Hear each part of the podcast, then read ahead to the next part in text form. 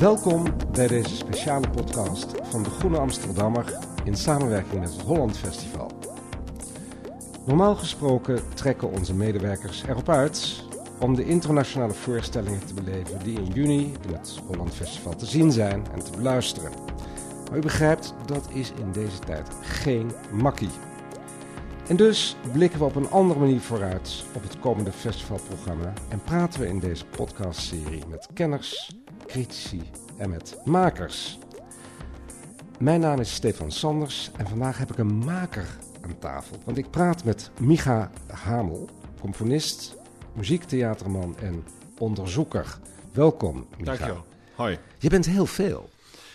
Uh, ja, maar ik, uh, voor mijzelf ben ik het centrum van alles. Dus ik, voor mij verschilt het allemaal niet zoveel. Dus of ik, of ik met woorden een gedicht schrijf of met noten een, uh, een compositie. Dichter, dat, dichter heb ik niet eens genoemd. Ja, dat is voor mij allebei, mm. allebei schrijven. Mm. En, met, en met materiaal iets moois maken. Dus het, het ja, dat, van de buitenkant lijkt het heel verward, maar binnen in mij is het rustig. Nou, dat is wel al heel geruststellend om dat te weten. Ja, en ook niet waar trouwens. en ook niet waar.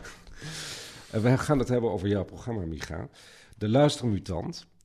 Vorig jaar, in 2020, ook geprogrammeerd in het Holland Festival. Maar toen helaas enfin. Het is allemaal duidelijk wat er gebeurt. Ja. De.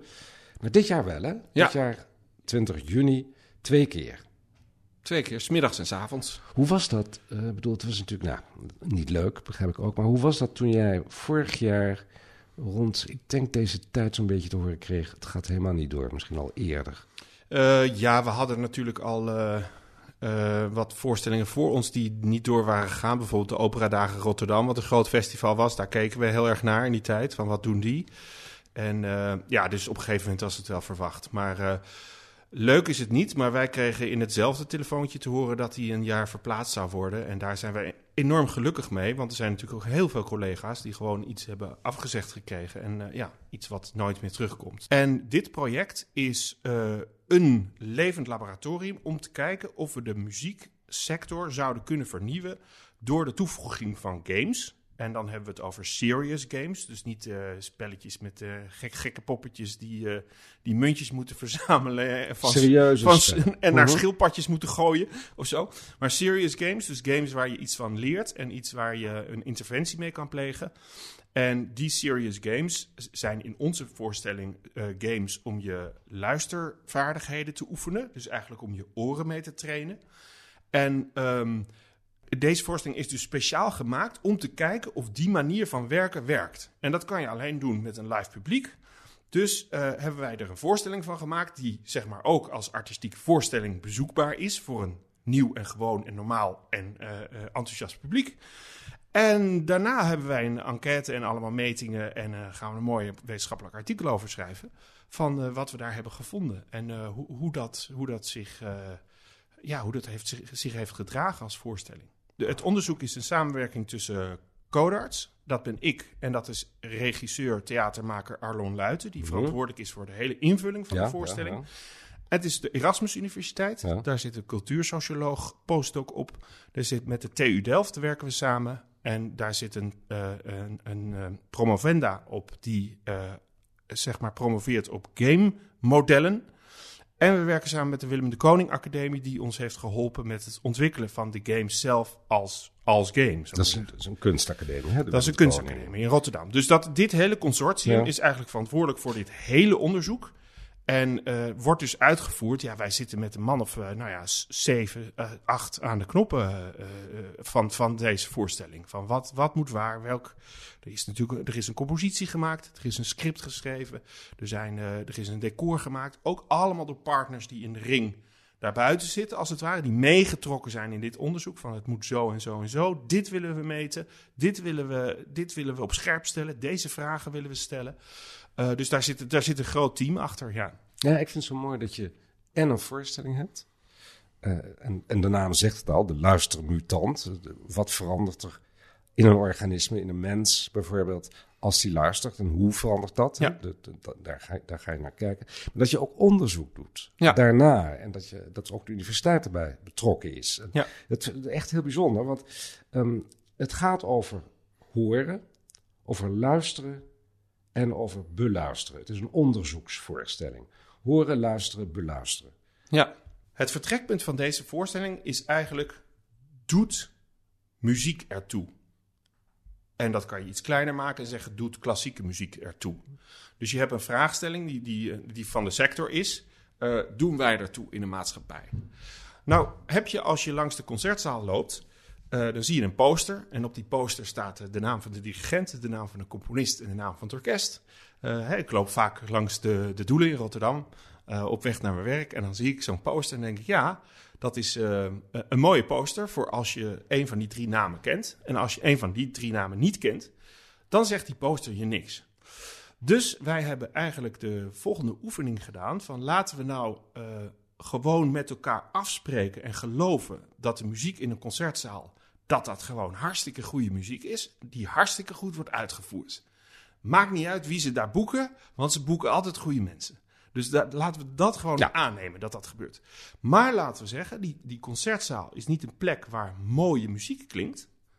Dat, want dat is namelijk, dat is gewoon zo. Dat, daar, maar een plek waar je je luisteren heel goed kunt oefenen en ontwikkelen. Het is een leerplek. Een leerplek. Een plek waarin je als het ware. Je kan het zien als een soort sportschool, als een soort gym. Dus je ziet dat hele grote gebouw uh, uh, in het midden van de stad staan. Hier ligt het aan de Van Baarlestraat misschien. Uh, en aan het ei natuurlijk, uh, muziekgebouw aan het ei. Je kan zeggen, oké, okay, daar klinkt hele mooie muziek. Maar je kan ook zeggen, nee, dat is een soort sportschool. En daar kan je goed leren luisteren. Concertgebouw is een sportschool. Is een soort sportschool. Voor de oren. Sportschool voor de oren, ja. Maar dan ga ik nog een trapje verder. Want luisteren is een, uh, is een mysterieuze en mooie activiteit die heel veel dimensies heeft. Want luisteren heeft ook een sociale dimensie, een artistieke dimensie, een, een, een relationele dimensie en ook een democratische dimensie. Want de maatschappij bestaat uh, tegenwoordig, lijkt het, uit mensen die heel veel uh, schreeuwen en heel veel praten. Terwijl een gezonde democratie bestaat natuurlijk uit mensen die heel goed kunnen luisteren. Dus ook een politieke dimensie. Dus het heeft absoluut een politieke dimensie. En zo gezien, zeg maar, als je dat, uh, als je die, uh, uh, dat, dat herformateren of reframen, zoals dat nu in het wetenschap heet, van die concertzaal gaat zien, dan ga je ineens zien van ja, je bent in die concertzaal niet alleen naar muziek aan het luisteren, maar je bent ook je burgerschap als het ware aan het trainen.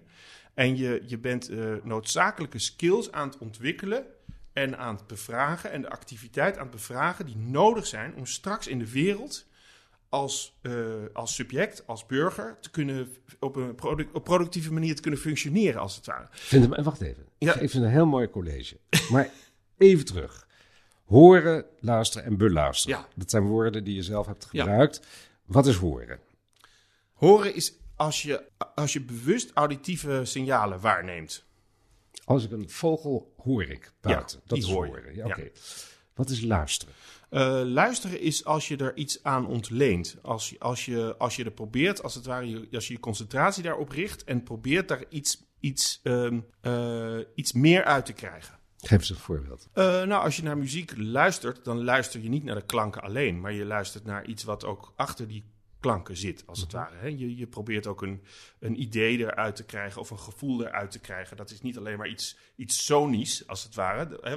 Als je muziek hoort, dan, ja, dan is het er net zoals er een, eh, een, een, een kopje op tafel staat of een, of een poster aan de muur hangt. Dat, daar, daar ga je gewoon langs met je, met je ogen, in dit geval met je oren.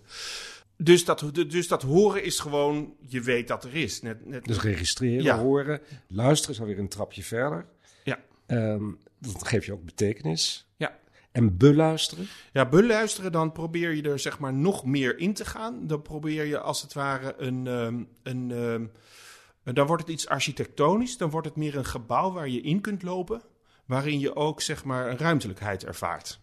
En dat is zeg maar ook, denk ik, wat wij vaak nastreven als wij naar muziek gaan. Is, is dat, je die, dat je een gevoel hebt van dat je dat, dat je in een muzikale ruimte bent. Dat die muziek, muzikale ruimte zich om jou heen beweegt en in jou beweegt.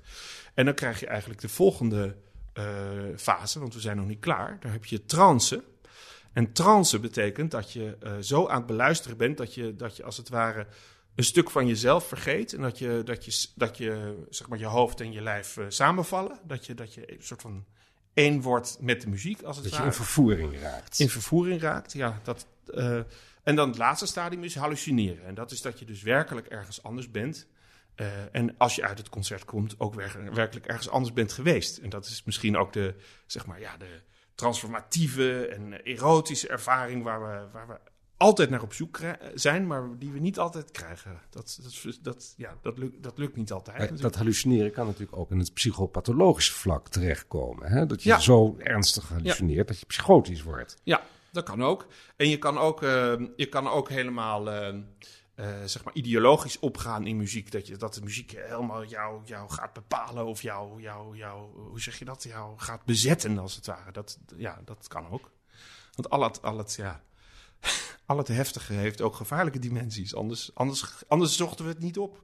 Wat ik zo aardig vond, ik vond een oud interview met jou van vorig jaar, toen het allemaal niet doorging, althans in het Holland Festival. En toen zei je heel uitdrukkelijk, kunst is geen troost. Nee. Nee, ja, dat hoor je overal tegenwoordig. Dat is een beetje een soort soundbite geworden. En daar ben ik gewoon tegen. Want kunst is veel breder dan dat. En eh, nou, ten eerste ben ik geen kleutertje dat getroost hoeft te worden. Ik hoef helemaal niet getroost te worden. Eh, misschien als ik heel erg pijn heb, dan, dat dat ik dan tegen mijn vrouw zeg: eh aaiers over mijn bol of zo, geen idee. Maar eh, eh, nee, ja, daar is kunst helemaal niet voor. Kunst is veel breder. Dat is iets eh, wat, eh, wat interactief is, sowieso. En troost lijkt iets wat, wat jij moet ondergaan, als het ware. Wat, wat iets lenigt in jou. Dus dus ik, ik vind dat. Ik vind, dat ik vind het weinig.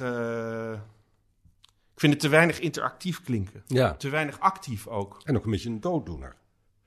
Ja, het, is, het, het klinkt goed, want je denkt, oh, we leiden allemaal aan het leven, et cetera, et cetera. En dat is natuurlijk ook zo, maar ja, waar- waarom, eh, ja, dan, eh, dan, ja dat, dan is ook weer alles troost. Dan is een appel eten ook troost, toch? Troost eten. Ja, dan voel ik me ook iets beter als ik een appel heb gegeten. Ik vind het, het zegt mij gewoon Nee. niks. Het mooie is dat in deze voorstelling zijn heel veel mooie dingen. Het is ook een onderzoek, maar dat eh, Felix Mendelssohn, de 19e eeuwse componist, heel veel eh, wordt gebruikt, zijn muziek. Ehm, ik moet je iets bekennen, toen ik 11, 12 was, was ik al heel erg met muziek zo bezig, zoals je dat kan zijn. Mooi, Dan had je altijd van die kleine biografietjes voor, ik denk, pubers geschreven. En eh, die las ik als een gek, want dat wilde ik allemaal weten van die eh, componisten. En Felix Mendelssohn was mijn lievelingsbiografietje. De man is maar, eh, ik geloof, 38 Ja. geworden. Waanzinnig veel geschreven. Ja. Maar hij had een soort zondagskindleven. Ja. Ondanks dat korte leven was het wel heel erg fijn en mooi. En had hij de hele tijd successen en ook nog eens een keer hele mooie muziek. Maar waarom heb jij, of hebben jullie, voor Mendelssohn gekozen? Als Nou, luisteroefening ook. Nou, Mendelssohn, de muziek van Mendelssohn kan je zien in het licht van het eh, Duits idealisme. En dat is het. eh, Moet je dat- even uitleggen. Eh, eh, het Duitse idealisme is dat het, het, het idee dat ehm, de mensheid op weg is naar een voleinding. En dat dat een proces is wat, en dat, dat is dan de filosoof Hegel, dat gaat dan via de these en eh, antithese. En langzamerhand stuurt de mensheid eh, via verheffing, via, eh, eh, via een opwaartse eh, eh, beweging op weg naar de perfecte wereld. Ehm, dat is allemaal Schelling. Eh, de, de filosoof Schelling heeft dat geformuleerd. Ehm, daarin was kunst heel belangrijk. Want kunst kon de, de ziel verheffen. En kunst stond ook voor het onstoffelijke sublieme, als het ware. Eh, sorry, muziek stond voor het onstoffelijke sublieme. Ook zo'n typisch 19e eeuws woord. Hè? Typisch. Het sublieme. Typisch, want muziek, muziek is onstoffelijk. Dus, en we hebben iets nodig om het onstoffelijke vertegen- te vertegenwoordigen. Dus muziek krijgt die taak. Jongens, de muziek, dat is, dat is hè, de echte geest, als het ware. Nou ja, de muziek van Mendelssohn de- is geschreven binnen het project van dat die schoonheid niet alleen schoonheid is, maar ook belangrijk is als voertuig om de mensen te verheffen om naar die voleinding toe te gaan. Nou, precies die kracht of die, die, die opdracht die de muziek zichzelf stelt, die proberen wij dus nu in een soort 21e eeuwse setting terug te halen.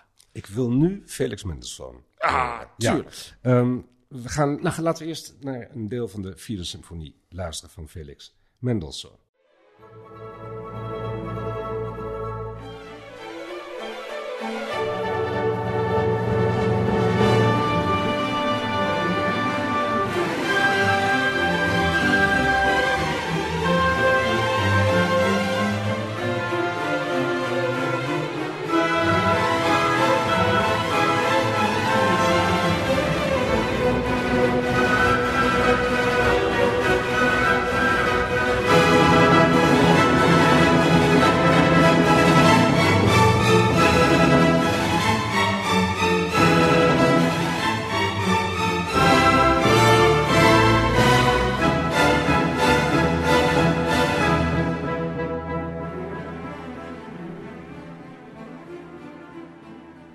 Hier wordt echt haast gemaakt met de verheffing.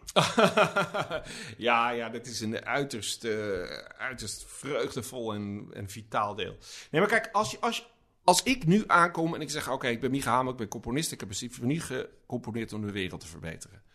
Nou, dan wijst iedereen naar zijn voorhoofd. He, die zegt: Ja, nee, dat, voor dat kleine publiek in dat concertgebouw en, en dat, dat, dat gaat je, dat is idioot. He, daar, wordt het niet mhm. meer over die, die op die manier over muziek nagedacht. Maar toen wel. Dus wij hebben, zeg maar, dat project, dat college wat ik net gaf, van dat muziek niet alleen mooi is, maar ook belangrijk voor de wereld. En niet alleen troost, maar ook verheffend. En ook, nee, ja, en ook burgerschap. En ook werkelijk bijdragend aan, jou, aan jouw skills als, als mens, als burger.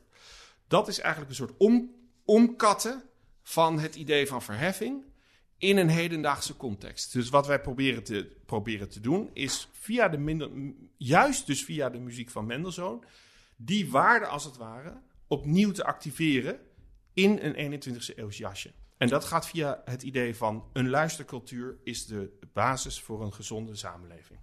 Het is zo fijn dat je Mendelssohn hebt gekozen en niet bijvoorbeeld Wagner. Nee, nee. Maar we wilden ook een componist die niet zo zo bekend was dat, dat iedereen de muziek al kende. En zeg maar voor de, voor de leken, zou ik maar zeggen, voor het nieuwe publiek, moet ik zeggen. Uh, vonden we het leuk om niet de vijfde van Beethoven te doen. Of niet, uh, niet zeg maar wat iedereen al kent, waardoor het al geladen is. Maar zo'n hybride ouverture van Mendelssohn, die op het programma staat, is voor velen een, een nieuw stuk. Ja, voor ons niet, want wij, wij, wij luisteren ons hele leven al klassieke muziek. Maar deze voorstelling is gemaakt voor mensen die voor het eerst met, uh, naar klassieke muziek luisteren. Of voor wie het, het, het, het uh, bezoeken van zo'n concert iets, uh, iets, iets is wat een, wat een avontuur moet worden. Zullen we even ook luisteren naar de hybride ja. ouverture van Mendelssohn?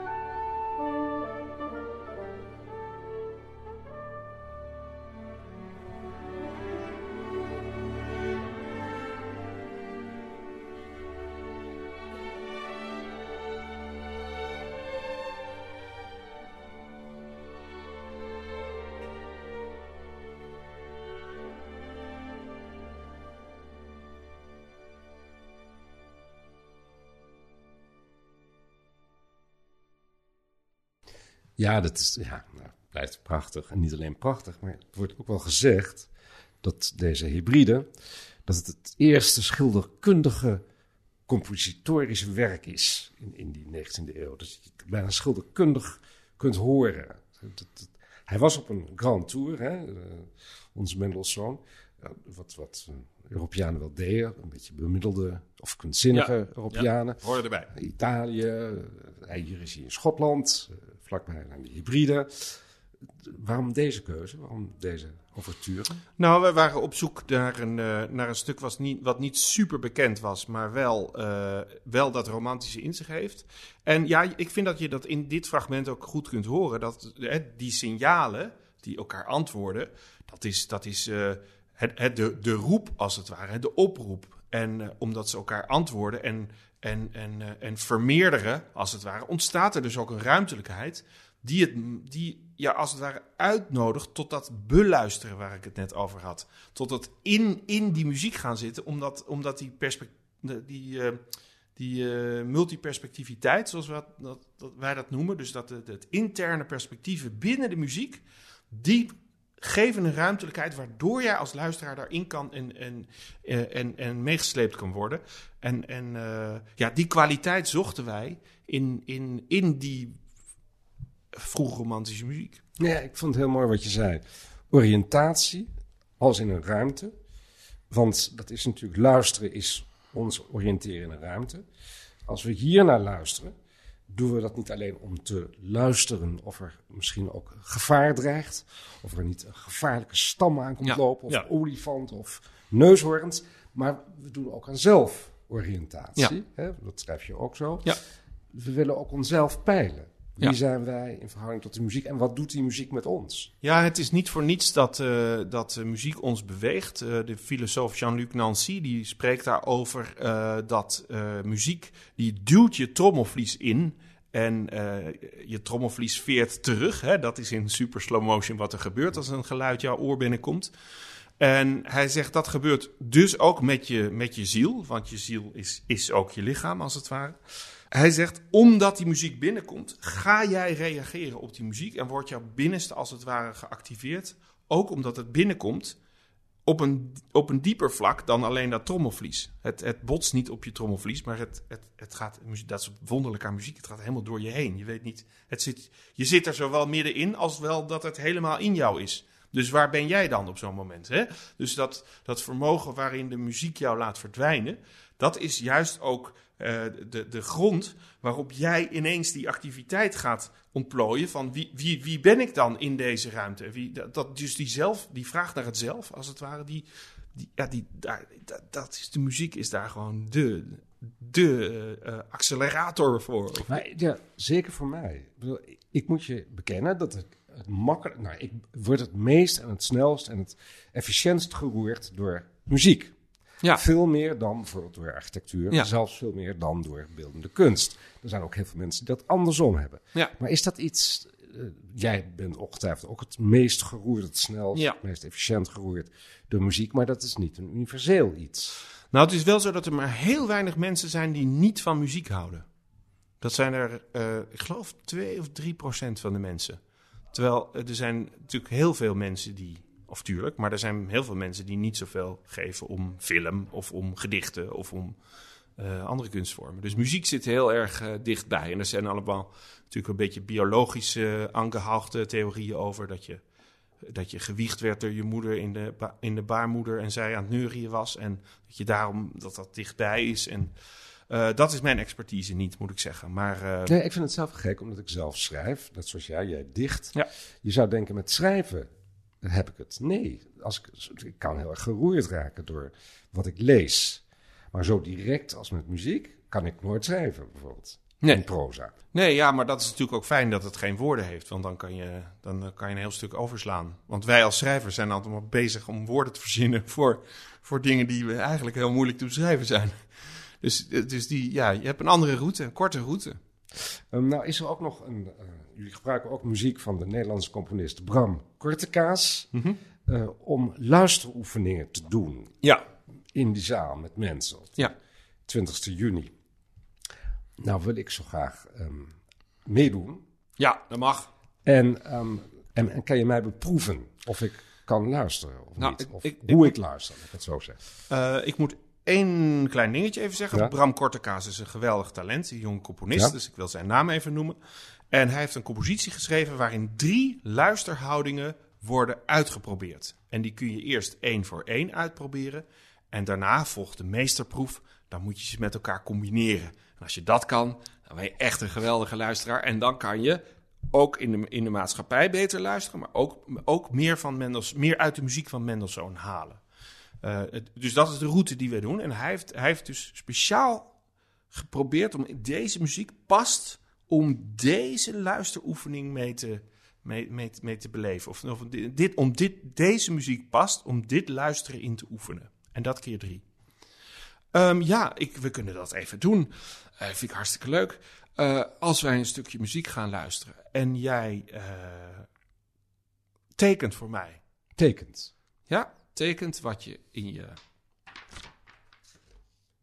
Wat je in je op voelt komen met de muziek, via de muziek, hè, als het ware. Eh, en je kan ook woorden opschrijven. Dus dat kunnen. Het mag ook woorden zijn. mag ook. Het, Ja. mag, het mag alles zijn, als het ware, als, als je maar je door de muziek laat leiden. En dat je niet denkt, ik ga nu eens even een nee, boodschappenlijstje nee. opschrijven. Dus probeer je open te stellen en dan gaan we dan een minu- minuutje doen. Dit is echt typisch radio, hè, wat we nu doen. Typisch radio. Nou, ik, eh, ja, jij zit hier tegenover mij met een papier en een pen. En we gaan eh, twee minuten naar muziek luisteren. En dan probeer ik dat een beetje als een soort medium te verklaren straks. Goed, Ja. we gaan nu luisteren.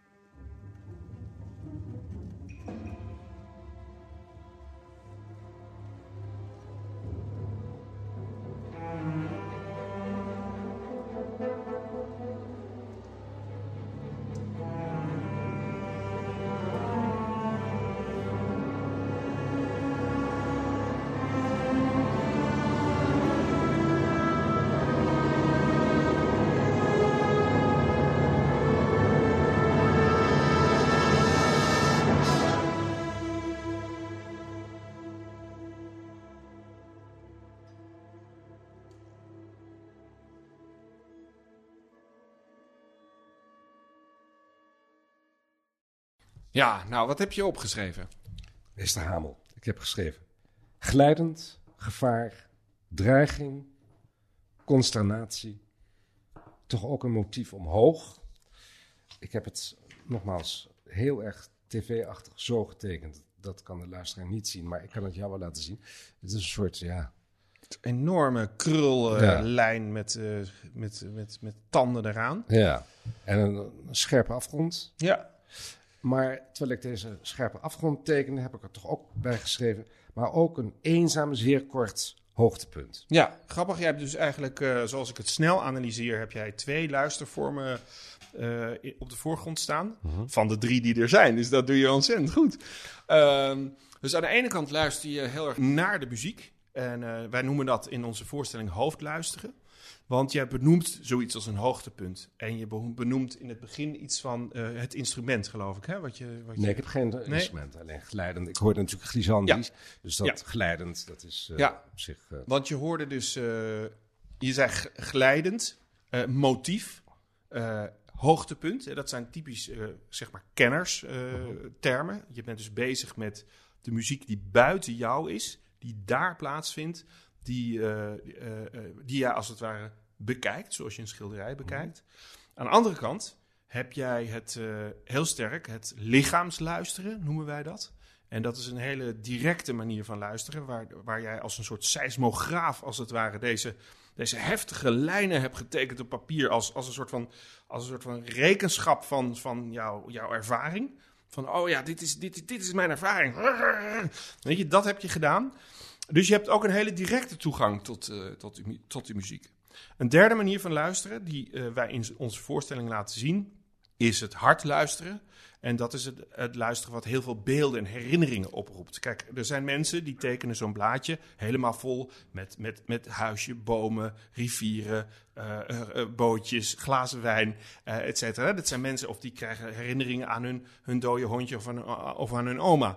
Dus dat zijn mensen die heel erg met zichzelf bezig zijn. Waar- eh, we noemen dat hard luisteren. Die zijn als het ware met hun gevoel hard eh, met een T. ja, hard, sorry. Ja, Ja, ja. Hard met een T.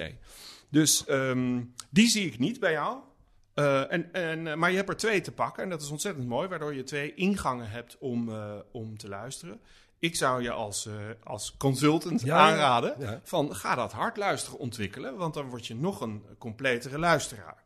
Nou, zo eenvoudig is het natuurlijk niet, maar het is leuk om met dit piepkleine oefeningetje even aan te raken dat je niet met één luistermanier de wereld in hoeft en dat je daar niet bij hoeft te blijven, maar dat je dat gewoon kan ontwikkelen en oprekken.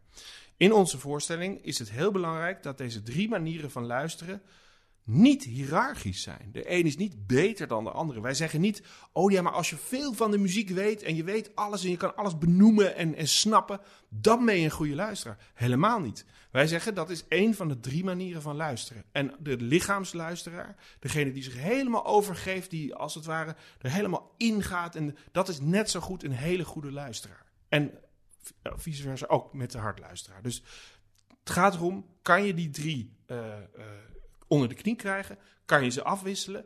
En kan je dan naar de volgende fase het luisteren in de wereld naar andere mensen? Dat is eigenlijk de politieke Dat, dimensie. dan komt de volgende dimensie. Dan ga je het eigenlijk hebben over verheffing, maar ook democratie. Ja. En kunnen we inderdaad naar anderen luisteren. Ja, en daar Kunnen hebben we op reageren en kunnen we ook iets voelen wat die anderen zeggen. En daar hebben we in de voorstelling hebben we dan een soort eh, verkiezingsdebat, als het ware, waarin, je, waarin er van allerlei meningen worden verkondigd en waar je wordt uitgenodigd om via een game-omgeving daar eh, oh, voor te stemmen, voor en tegen te stemmen, waardoor je eigenlijk als luisteraar wordt, op de proef wordt gesteld van ben jij in staat om met je, met je hele apparaat te luisteren. Dus niet alleen met je, met je hoofd of je snelle mening, maar ook met je, met je hart en met waar je wil dat het naartoe gaat en et cetera. Je moet ingeschakeld zijn om dat, in, dat, in dat stemgedrag te vertonen wat op luisteren gebaseerd is. 20 juni, twee keer. Dankjewel, Met plezier. Micha Hamel. U luisterde naar de podcast van het Holland Festival in samenwerking met de Groene Amsterdammer over de voorstelling De Luistermutant van Micha Hamel in samenwerking met regisseur Arnon Luiten. Kijk op het hollandfestival.nl voor meer informatie en voor kaartverkoop. De productie van deze podcast en de techniek waren in handen van Giselle Mijndief en ik ben Stefan Sanders. Nu even wat zakelijke informatie, want zonder sponsoren geen Holland Festival. Het festival wordt mogelijk gemaakt door het ministerie van OCW, de gemeente Amsterdam, productiepartner Amodo, hoofdbegunstiger Fonds 21, HF Business Partners, particuliere fondsen en de vele vrienden van het festival. En speciaal voor de luistermutant in het festival wordt meerde ook mogelijk gemaakt door het Bernhard Cultuurfonds en voor het Fonds Podiumkunst. Nou, dat is een hele lange rij. Ik moest ze toch even allemaal noemen. Bedankt voor het luisteren en hopelijk tot de volgende podcast.